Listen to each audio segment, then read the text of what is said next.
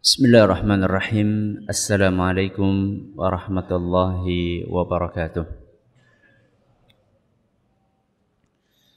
الحمد لله وكفى والصلاة والسلام على رسوله المصطفى وعلى آله وصحبه ومن اقتفى أما بعد Kita panjatkan puja dan puji syukur kehadirat Allah Tabaraka wa Ta'ala. Pada kesempatan malam yang berbahagia kali ini Kita masih kembali diberi kekuatan, kesehatan, hidayah serta taufik dari Allah Jalla wa Ala. Sehingga kita bisa kembali menghadiri pengajian rutin malam Sabtu di Masjid Jenderal Sudirman Purwokerto ini.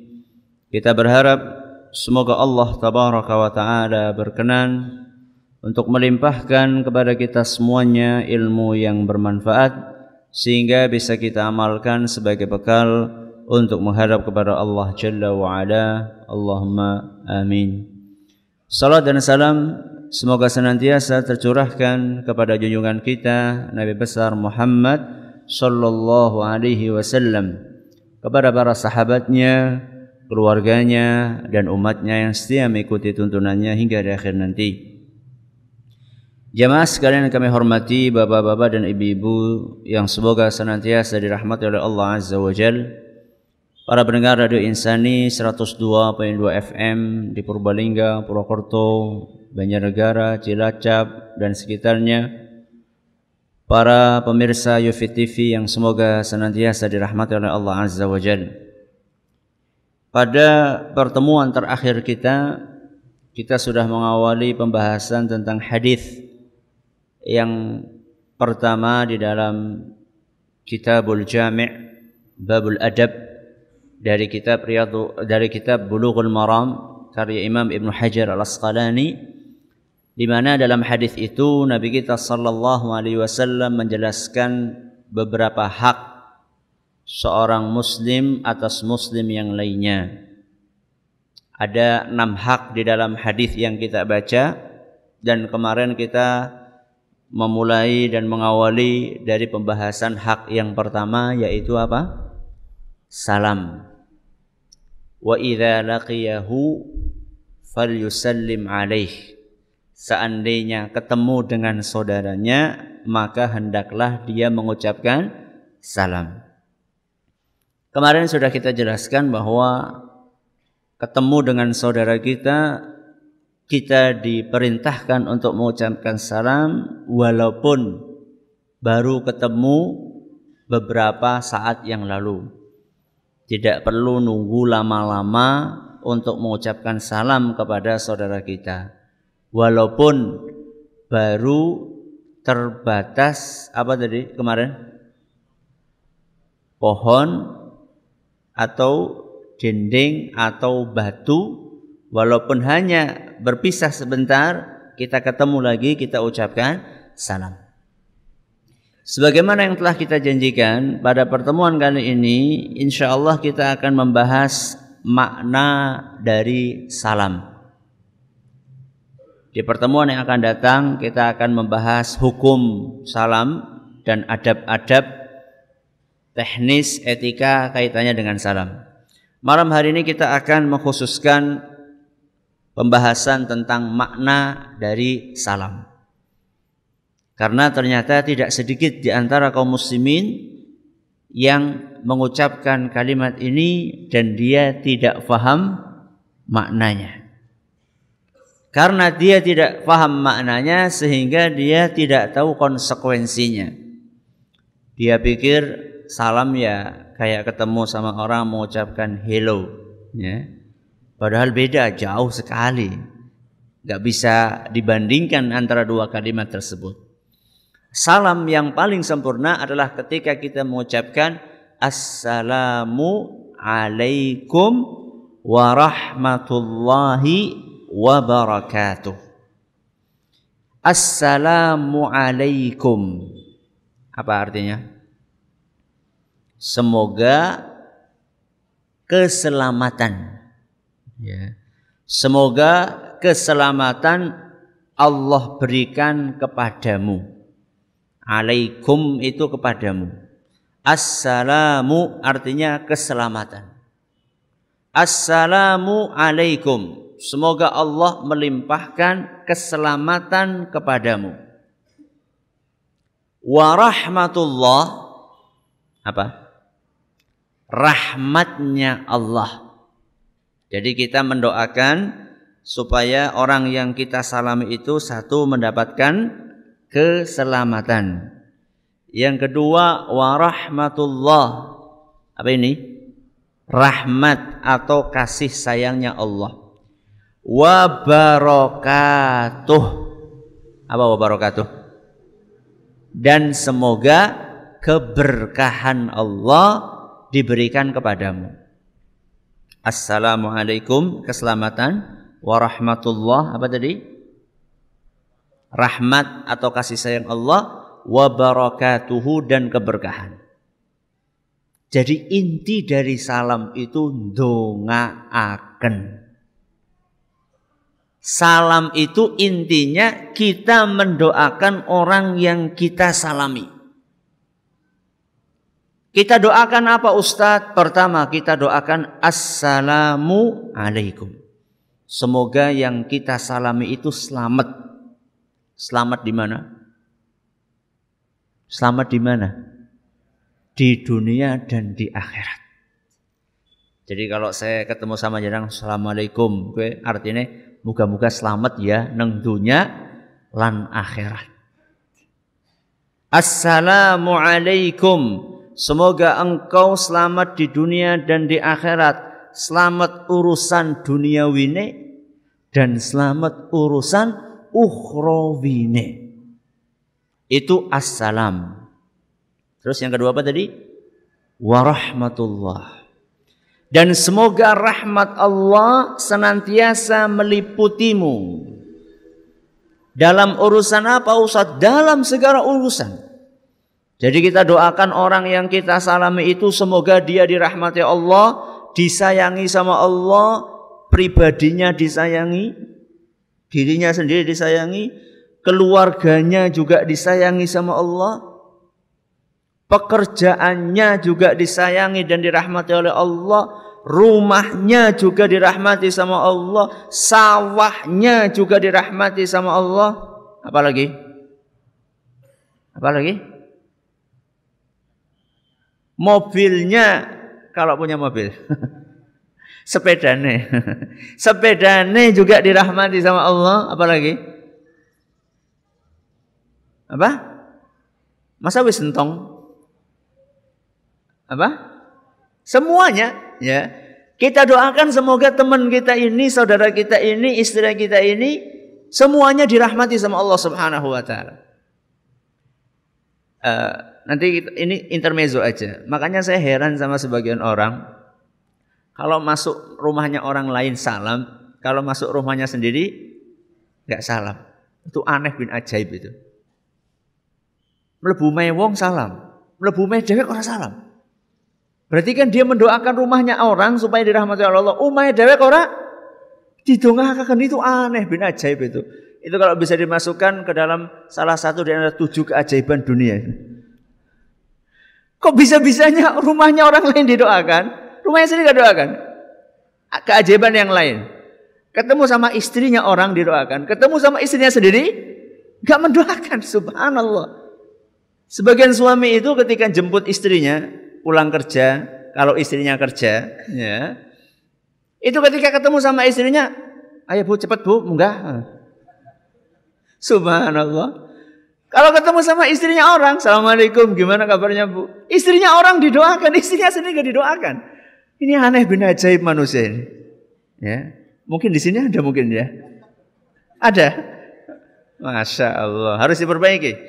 Ya, nanti jenengan yang boncengan sama suami sama istri ini ya. Nanti begitu istri mau naik, Assalamualaikum bu. Anak apa sih pak? Dongakakan bu, lagi didoakan. Ya. Kan baru berpisah kita, nggak ketemu sama istri. Kan kita sudah jelaskan kemarin, walaupun berpisahnya cuma kepisah apa? Tembok. Ya ini bukan tembok lagi, ini kepisah lama kita ini. Ya. Warahmatullah. Terus wabarakatuh. Berkah. Semoga Allah memberikan berkah kepadamu. Kita sering kan dengar kata berkah. Ya. Makanya sering orang itu kalau pulang bawa berkat. Beda itu, berkat itu sega ya. Berkah itu apa? Ya. Para ulama kita menjelaskan berkah itu artinya adalah kebaikan. Artinya apa? Kebaikan yang banyak yang banyak yang terus bertambah dan yang langgeng. Itu arti berkah. Saya ulangi, berkah apa tadi artinya? Kebaikan yang banyak kemudian terus bertambah dan langgeng. Langgeng itu artinya awet, abadi. Itu arti dari berkah. Jadi ketika kita mengucapkan Assalamualaikum warahmatullahi wabarakatuh, kita doakan supaya orang yang kita salami ini senantiasa mendapatkan kebaikan dari Allah Subhanahu wa taala dan kebaikan itu kita doakan banyak. Jadi kalau rizki kita doakan supaya rizkinya banyak. Bukan hanya banyak, tapi terus bertambah. Bukan hanya terus bertambah, tapi juga kita doakan supaya kebaikan yang dimiliki oleh saudara kita ini langgeng. Langgeng dalam arti tidak sesaat. Kalaupun kebaikan berupa kesehatan, maka kesehatan sampai mati. Kalaupun kebaikan itu berupa rizki, maka kita doakan supaya rizki dia sampai mati ada terus. Makanya di antara doa yang dilantunkan oleh Nabi Shallallahu Alaihi Wasallam, ya Allah berikanlah rizkiku paling polnya ketika aku sedang tua. Indaki barisini. Jadi karena Kenapa kok justru ketika tua rizkinya banyak? Karena ketika tua kita sudah sulit lagi untuk bekerja tidak seperti ketika masih muda. Jadi kita doakan orang yang kita temui itu supaya dia mendapatkan kebaikan terus bertambah rizkinya. Kalau kebaikan yang kita masuk rizki, dia akan terus bertambah. Kalau kebaikan itu maksudnya adalah istri, kok ketawa? Istrinya tambah. Besok-besok ibu-ibu bilang sama bapak, Pak wis rasa ngaji nganah Pak. Ya nggak mesti harus seperti itu, ya nggak mesti harus bertambah jumlahnya, mungkin bertambah berat badannya, mungkin ya. Jadi kalau gemuk ya anggaplah itu bagian atau simbol dari kesejahteraan gitu aja ya. Tapi jangan kegemukannya, jangan kegemukan. Jadi inilah arti dari assalamualaikum warahmatullahi wabarakatuh. Ini sebenarnya eh, penjelasannya luas. Itu ringkasannya. Kalau kita baca dan kita dengarkan makna dari assalamualaikum warahmatullahi wabarakatuh. Itu kira-kira maknanya dalam apa enggak itu? Dalam sekali. Ya. Ketika kita mengucapkan Assalamualaikum warahmatullahi wabarakatuh. Itu ternyata kita sedang mendoakan saudara kita dengan doa-doa yang kadang-kadang nggak pernah kita pikirkan. Dan itu ada di dalam kata-kata salam yang kita ucapkan. Makanya saking dalamnya makna yang ada dalam kalimat salam ini, salam ini nggak bisa digantikan dengan ucapan apa pun juga. Sapaan apa pun juga tidak akan pernah bisa menggantikan ucapan salam mau mengucapkan assalamualaikum kok diganti dengan selamat pagi. Berarti selamat tekur esuk tok, awan ora selamat. Mau diganti selamat siang berarti selamat tekur awan tok esuk ora. Apalagi mau diganti selamat yang lain-lainnya, ya. Gak bisa digantikan. Mau selamat pagi, selamat siang, mau diganti good uh, apa pagi? Good morning atau good afternoon atau good evening atau good night. Nggak bisa. Ya. Atau mau diganti dengan sampurasun. Rampes. Atau mau diganti dengan kulo kulo nuwun ya. Atau anak muda sekarang diganti dengan hello bro. Nggak bisa diganti ya Assalamualaikum warahmatullahi wabarakatuh. Enggak bisa diganti dengan kalimat apa pun.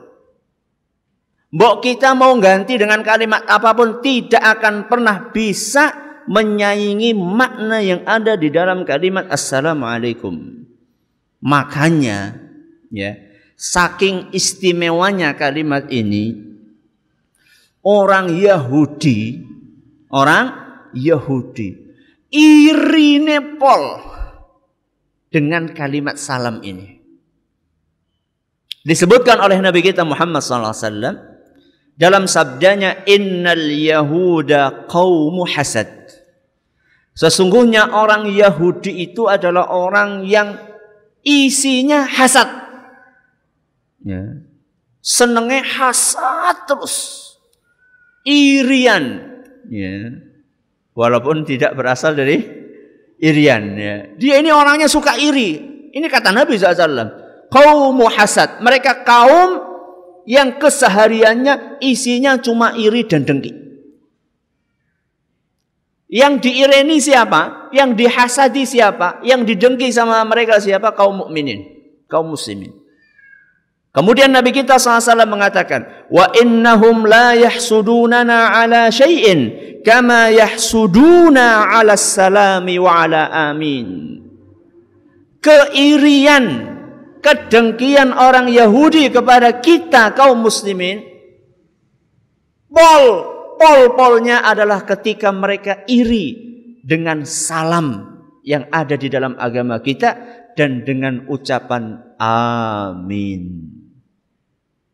Kapan saya mengucapkan amin? Ketika imam membaca waladhdallin. Kita ucapkan amin. Orang Yahudi iri nepol. Ya. Makanya mereka berusaha bagaimana orang-orang nggak pada ke masjid. Supaya mereka nggak dengar suara apa? Amin. Maka dibuatlah acara-acara semenarik mungkin ketika azan. Nah, pas lagi azan, anak-anak kecil pas lagi film kartunnya lagi lagi seru lagi apa namanya? Lagi seru-serunya. Jadi mau ke masjid ditahan. Mereka nggak mau dengar kata amin. Maka mereka berusaha bagaimana caranya supaya orang nggak pada ke masjid. Dan kalaupun ke masjid aminnya orang semangat. Jadi waladhalin amin. Bok suara nentong. Ya angkat suara. Ya. Amin. Ya. A-nya dua harokat minnya berapa harokat? Lima harokat. Jadi ada kewalik aja amin. Ya. Juga ada dulu ketika kita masih kecil ya ketika kita masih kecil tuh nek paling dawa gue paling marem. Jadi liane urung rampung gue wis uh, iki terakhir gue seneng banget ke suaraku kayak Nah, bukan kayak gitu. A dua harokat, ya. Min berapa harokat? Lima. Amin. Wa inna man wafaqa ta'minuhu ta'minal malaika barang siapa yang ketika mengucapkan amin berbarengan dengan aminnya malaikat maka dia akan didoakan dan diampuni oleh Allah Subhanahu wa taala. Ini yang yang yang pertama adalah salam. Jadi ada dua hal yang orang Yahudi iri banget sama kaum muslimin. Yang pertama salam, yang kedua amin hadis riwayat uh, Ibnu Khuzaimah dan isnadnya dinyatakan sahih oleh Imam Al-Busiri dan oleh Syekh Al-Albani. Jadi orang Yahudi saja tahu keistimewaan salam, makanya mereka iri. Nah anehnya sebagian kaum muslimin malah mereka minder untuk mengucapkan salam. Ya, itu menunjukkan bahwa kita ini masih perlu terus meningkatkan praktek kita kepada ajaran agama kita sendiri. Ini makna salam. Terus Ustaz, ketika kita sudah mengetahui makna salam, maka kita perlu memahami bahwa ketika kita mengucapkan salam itu ada konsekuensinya. Ya. Kalau kita sudah mengucapkan assalamualaikum kepada orang lain, maka ada konsekuensi yang harus kita penuhi. Apa konsekuensi itu Ustaz? Dijelaskan oleh Imam Sufyan ibnu Uyainah. Salah seorang ulama tabi'in yang wafat pada tahun 198 Hijriah. Beliau menjelaskan ketika menerangkan tentang makna salam, beliau mengatakan anta minni salim wa ana minka salim. Kalau kita sudah mengucapkan assalamualaikum artinya anta minni salim. Engkau selamat dari gangguanku. Wa ana minka salim dan aku selamat dari gangguanmu. Itulah resikonya.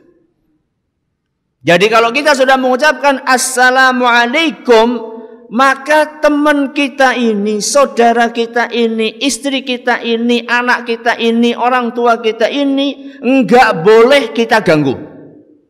Harus selamat dari gangguan kita. Gangguan gimana Ustadz? Ah, gangguan di dunia dan di akhirat. Harus selamat. Berarti bagaimana Ustadz? Resiko atau konsekuensi dari ucapan salam, konsekuensinya ketika kita sudah mengucapkan salam, kita berusaha untuk menyelamatkan saudara kita di dunia dan di akhirat. Itu konsekuensinya. Nanti kita akan jelaskan maksud kita memberikan keselamatan di akhirat kayak apa. Pertama kita awali dengan di dunia dulu. Jadi kalau kita sudah mengucapkan assalamualaikum kepada saudara kita, maka di dunia kita harus bagaimana menjaga saudara kita supaya selamat. Selamat dari apa Ustadz? Selamat dari gangguan lisan kita, selamat dari gangguan tangan kita, dan selamat dari gangguan hati kita. Jadi kalau kita sudah mengucapkan assalamualaikum, saudara kita ini nggak boleh kena gangguan dari kita, walaupun itu dengan lisan atau dengan hati atau dengan tangan.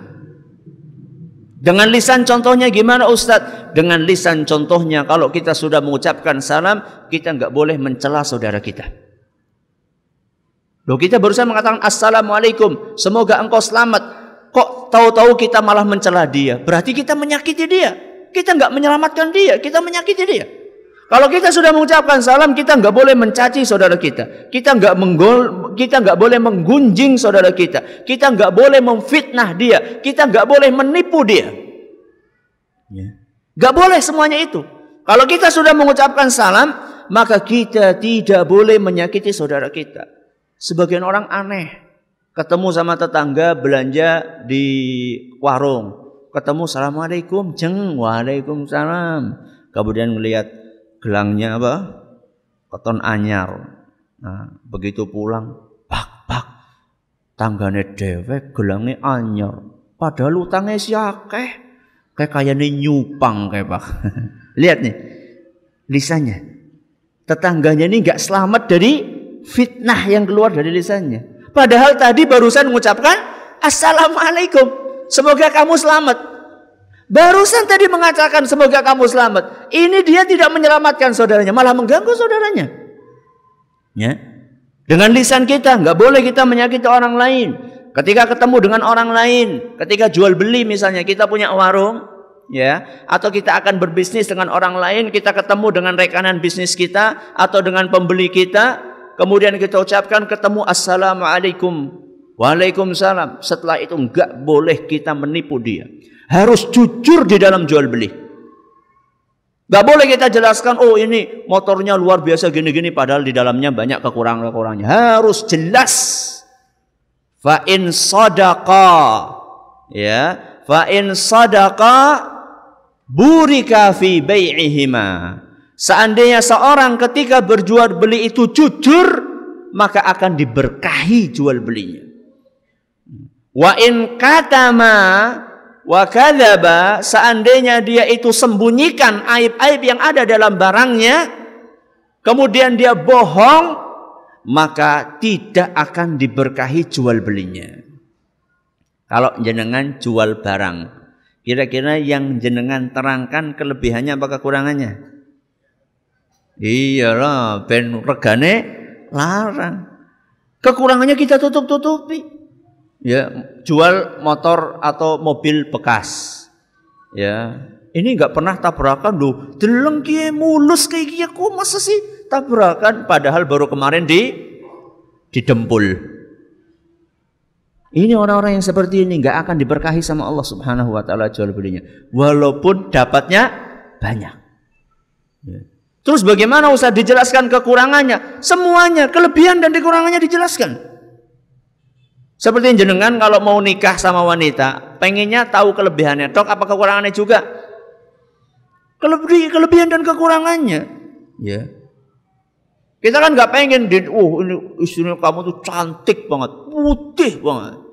Jebule pancen putih temenan. Ya. ya, semuanya putih, matanya putih juga. nggak ada hitam-hitamnya. kalau kayak gitu gimana coba kita? Uh, sudah terlanjur nikah tahu-tahu seperti itu. Kita percaya wis percayalah. Nyombok wis karo wis swidak tahun. Eh swidak tahun ya surah nikah ya. Nah, kan sudah sudah 20 tahun saya sama kamu berteman, masa sih kamu akan bohongi saya? Ya, ternyata bohong, ya. Wah, serambutnya pol. Ya. Pol apa nih? Pokoknya pol lah. Sebenarnya barang dia pol banyak kekurangannya di rambutnya misalnya. Ini gak boleh seperti ini. Jadi kalau kita sudah mengucapkan salam, lisan kita itu harus kita jaga, tidak boleh kita menyakiti saudara kita. Lisan kita kita jaga, tangan kita juga kita jaga. Gak boleh kita menyakiti saudara kita dengan tangan kita. Ya, kalau kita sudah mengucapkan salam, gak boleh tangan ini ganggu saudara kita. Ya. Nyetel, tape, suaranya seru banget. Pernah saya diceritai sama salah seorang jemaah pengajian, dia punya tetangga, ya kalau nyetel tape radio itu luar biasa. Ya. Nek ora seru ge ora ora marem. Pengennya keras sampai jendela kaca tetangganya itu sampai ber ber ber. Padahal jaraknya itu enam rumah. Bisa jenengan bayangkan kepriwe sing omahe nang pinggirnya persis. Mirip kayak wong barang gawe Perhatikan nih, sing seneng barang gawe nganggo apa jenenge? Sound speaker nek wong sedesa ora krungu ora marem. Hati-hati itu. Itu ganggu itu. Ya. Ustad kan kur telung dina. Telung dina udah bisa turu kur. Tiga hari orang satu kampung nggak bisa tidur. Sing lara untuk. Sing apa maning? Sing duwe bayi nembe lahir apalagi? Sing mikir akan utang bayangkan. Orang ini satu kampung diganggu semuanya. Subhanallah. La ilaha illallah. Kayak gitu mengucapkan salam sama temannya? Enggak. Kalau kita sudah mengucapkan salam teman kita yang kita salam ini harus selamat dari gangguan lisan kita gangguan tangan kita. Tangan jangan buang sampah sembarangan. Ada sebagian orang seperti itu kan mumpung ora wong buang popok sembarangan flung nah, ya. Yang bikin kotoran anaknya yang mencium baunya tetangganya. Nggak boleh seperti itu. Ya. Termasuk dengan hati juga. Nggak boleh kita menyakiti mengganggu dengan hati kita. Contohnya gimana Ustaz? Sudah mengucapkan salam nggak boleh kita suudzon. Nggak boleh iri nggak boleh dengki. Ada sebagian orang baru baru salam ya. Ketemu pengajian atau ketemu di kelas sama teman kuliah assalamualaikum waalaikumsalam. Mulai pengajian kelihatan temennya apa ngantuk dalam hati. Kayak mau bengi kayak bernonton kayak mesti kayak suuzon. Ya. nggak boleh seperti itu. Seharusnya gimana Ustaz? Husnuzon. Oh mau bengi kayak tahajudnya suwe banget kayaknya husnuzon. Sudah mengucapkan salam tetangga, teman, saudara, istri, suami, siapa pun yang kita salami harus selamat dari gangguan kita. Pendek kata, kita berusaha betul-betul menjadi seorang muslim yang sejati. Muslim yang sejati yang bagaimana? Muslim yang sejati adalah muslim yang dikatakan oleh Nabi kita Muhammad sallallahu alaihi wasallam dalam sebuah hadis yang diriwayatkan oleh Imam Bukhari dan Muslim al-muslimu muslim yang sejati man salimal muslimuna min lisanihi wa yadih muslim yang sejati adalah muslim yang kaum muslimin yang lainnya selamat dari gangguan lisan dan tangannya Berarti kalau masih ada orang lain yang terganggu dengan lisan dan tangan kita, kita ini belum layak menyandang nama muslim sejati. Muslim kepada Muslim musliman. Ya, muslim sekedarnya. ya KTP-ne sing Islam. Itu seperti itu. Ini adalah menjaga keselamatan saudara kita di dunia. Sekarang keselamatan di akhirat. Ustadz, gimana kok menjaga keselamatan di akhirat itu bagaimana caranya Ustadz? Caranya dijelaskan oleh Nabi Shallallahu Alaihi Wasallam. Sebelum kita sampaikan hadisnya, menjaga keselamatan di akhirat maksudnya kita melindungi, menjaga saudara kita dari api neraka. Menyelamatkan saudara kita dari api neraka. Itu maksud menjaga keselamatan saudara kita di akhirat. Bagaimana cara kita melindungi saudara kita dari api neraka? Dijelaskan oleh Nabi SAW dalam sebuah hadis yang diriwayatkan oleh Imam Bukhari. Di mana Nabi kita sallallahu alaihi wasallam bersabda, "Unsur akhaka zaliman au madluma." Bismillah. Yang artinya bantulah saudaramu bantulah saudaramu ketika dia berbuat zalim dan ketika dia dizolimi. Ini pesan dari Nabi SAW. Apa beliau pesan? Bantulah saudaramu ketika dia berbuat zolim dan ketika dizolimi. Aneh nggak? Aneh nggak sabda ini? Aneh. Anehnya di mana? Bantulah saudaramu ketika dia berbuat zalim. Itu kan aneh. Makanya seorang sahabat bertanya kepada Rasul SAW, Ya Rasulullah, ansuruhu idha kana madluma. Wahai Rasul, saya akan bantu dia. Ketika dia dizolimi sama orang lain, saya akan bantu wahai Rasul. Afara'aita idha kana zaliman kaifa ansuruh. Wahai Rasul, kalau dia dizolimi saya bantu. Tapi tadi kamu sampaikan, bantulah saudaramu ketika dia berbuat zalim. Bagaimana cara saya membantu dia wahai Rasul? Lawang dia berbuat zalim. Maka kemudian Nabi kita SAW mengatakan tahjuzuhu au tamna'uhu minadh-dhulm fa inna dzalika nasruhu. Makna kamu membantu saudaramu ketika berbuat zalim adalah engkau cegah dia. Engkau halangi dia dari perbuatan zalim. Itulah cara kamu membantu saudaramu. Hadis riwayat Bukhari. Jadi gimana Ustadz membantu keselamatan saudara kita di akhirat? Ketika saudara kita melakukan kesalahan, ingatkan dia. Itu caranya. Jadi kalau kita sudah mengucapkan assalamualaikum kepada teman kita, kok teman kita melakukan kesalahan, kemudian kita tidak ingatkan, berarti salam kita ini belum serius. Ya. Ya. Adzan dulu nanti kita lanjutkan setelah adzan insyaallah. Alhamdulillah rabbil alamin wassalatu wassalamu ala nabiyina Muhammadin wa ala alihi wa sahbihi ajma'in wa ba'd. Jadi kita sampaikan bahwa konsekuensi dari ucapan salam adalah kita berusaha menjaga keselamatan saudara kita di mana? Di dunia dan di akhirat. Di akhirat maksudnya adalah kita berusaha melindungi saudara kita dari api neraka. Caranya bagaimana? Ketika dia terjumrus kepada kesalahan maka kita tidak boleh diam. Kita harus nasihati dia.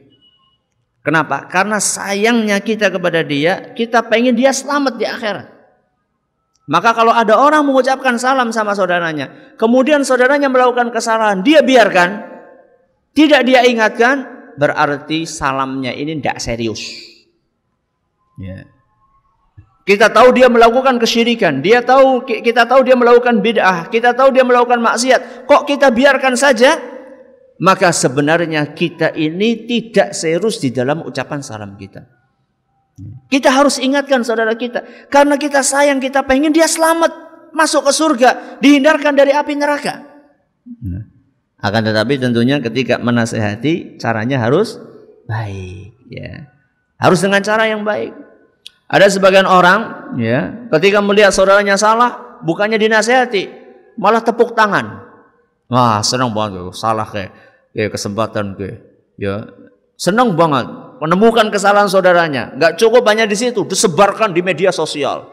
Ya, si fulan menyimpang, sebarkan. Brr, lewat Facebook, lewat apa lagi? Apa sih medsos apa apa aja sih? Uh, Facebook, Twitter, apa lagi? Uh, WhatsApp, terus uh, Telegram, ya macam-macam lah, ya. Semuanya sebarkan di internet. So SMS, ya, sebarkan kesalahannya si fulan, ya. Dinasehati, bukan seperti itu, dinasehati, ya. Dengan cara yang baik.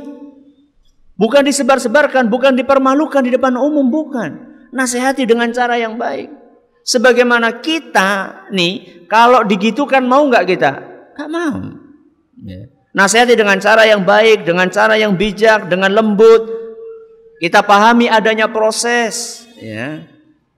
Allah Subhanahu wa taala berfirman dalam Al-Qur'an surat An-Nisa ayat 94, "Kadzalika kuntum min qablu famannallahu 'alaikum." Allah mengingatkan kepada kita, kalian itu dulu seperti itu kondisinya. Kemudian Allah berikan hidayah kepada kalian. Jadi ketika kita melakukan, ketika kita melihat saudara kita salah, masih melakukan kesyirikan, masih melakukan kebidahan, masih melakukan maksiat. Coba ingat, kita dulu pernah nggak melakukan kesalahan-kesalahan yang sama? Banyak di antara kita dapat hidayahnya ketika sudah tua. Baru tahu, oh ternyata saya keliru ini, ini, ini, ini. Jadi kita ketika berubah ini, ingat bahwa dulu kita pun pernah mengalami masa-masa gelap seperti itu. Dengan kita mengingat masa-masa yang lalu, kata Syekh As-Sa'di rahimahullah, maka kita akan lebih hikmah lagi di dalam mengingatkan orang lain yang terjerumus kepada kesalahan yang pernah kita terjerumus ke dalamnya. Saya punya pengajian, judulnya dulu kita dulu kita juga gitu. Apa judulnya? Dulu kita juga gitu. Nanti jangan cari aja di Ufit ya, atau di YouTube masukkan aja judul dulu kita juga gitu. Saya pernah sampaikan itu di di Jakarta daerah mana saya lupa. Beka, uh, Bekasi atau mana lupa lah saya. Daerah pokoknya di daerah sana lah. Tapi ada rekamannya. Nanti dilihat di situ bahwa kita ini ketika nasihati orang, coba kita juga introspeksi diri bahwa kita pernah mengalami seperti itu. Jadi intinya bahwa ketika kita mengucapkan salam itu ada konsekuensinya. Konsekuensinya di dunia dan di akhirat. Konsekuensi duniawi kita berusaha menjaga dia jangan sampai kita sakiti dengan lisan kita, dengan tangan kita, dengan hati kita. Di akhirat kita berusaha menasehati dia ketika dia salah supaya dia tidak terjerumus kepada api neraka pada hari kiamat. Berarti salam ini adalah sebuah kalimat yang memiliki makna yang sangat dalam. Dan kalau kita mengucapkan salam kita paham maknanya dan kita praktekkan konsekuensinya, niscaya efeknya akan super dahsyat. Itulah yang dikatakan oleh Nabi Shallallahu Alaihi Wasallam dalam sebuah hadis yang sahih yang diriwayatkan oleh Imam Muslim. La tadkhulunal jannata hatta tu'minu. Kalian gak akan masuk surga sampai kalian beriman. Jadi kita nggak mungkin masuk surga kalau nggak beriman. Supaya beriman bagaimana? Nabi mengatakan wala tu'minu hatta tahabbu. Kalian gak mungkin akan beriman sampai kalian saling menyayangi di antara kalian. Jadi kalau pengen beriman harus saling menyayangi. Supaya saling menyayangi bagaimana wahai Rasul? Awala adullukum ala syai'in idza fa'altumuhu tahabbtum afshus salama bainakum. Maukah kalian kutunjukkan suatu amalan yang kalau kalian praktikkan kalian bakalan saling mencintai di antara kalian? Apakah itu? Tebarkanlah salam di antara kalian. Jadi salam itu bisa menimbulkan kasih sayang di antara kaum mukminin. Salam yang kayak apa? Salam yang cuma formalitas yang nggak mungkin. Pasti salam yang dipahami maknanya, ditunaikan konsekuensinya. Makanya kan kita kan bertanya-tanya tentang hadis Nabi yang barusan kita baca. Uh, katanya kata Rasul SAW kalau ketemu ucapkan salam. Katanya akan saling sayang. Dening ya pancet baik. Ini saya udah ucapkan salam, dia masih suka menyakiti saya. Itu gara-gara dia nggak paham artinya dan tidak memahami konsekuensinya dan tidak mempraktekkan konsekuensinya. Jadi salam maknanya luas dan konsekuensinya tidak ringan. Semoga kita bisa mempraktekkan salam dengan sebenar-benarnya dan juga mempraktekkan konsekuensi dari salam itu. Insya Allah pada pertemuan yang akan datang kita akan jelaskan hukum mengucapkan salam, hukum menjawab salam dan apa teknis etika adab ketika mengucapkan salam. Siapa sing mengucapkan salam, siapa sing jawab. Hmm, kalau ketemu sama orang lain, siapa disit, ya. Apa sing wadon disit, apa sing lana disit, sing tua disit, sing nom disit, itu semuanya kita akan bahas besok. Insya Allah Subhanahu wa taala. Terus kalau ada orang Orang ngumpul segini nih. Ada orang assalamualaikum. Apakah semuanya harus jawab atau cukup satu saja perwakilan? Ya, itu kita akan bahas insya Allah dan itu kayaknya nggak cukup satu pertemuan. Ya, makanya seperti yang kita janjikan kemarin ngaji gue usus sing dawa. Ya, ngaji gue usus sing dawa. Maksudnya sing sing sabar ya. Jadi jangan pengennya cepet rampung, cepet rampung ya yang penting kita fahami betul-betul, kemudian kita praktekkan dalam kehidupan kita sehari-hari. Semoga apa yang kami sampaikan bermanfaat buat kita semuanya. Terima kasih atas perhatiannya. Mohon maaf segala kurangnya. Kita tutup dengan membaca Subhanakallahumma wa bihamdika Asyhadu an la ilaha illa anta astaghfiruka wa atubu ilaik. Assalamualaikum warahmatullahi wabarakatuh.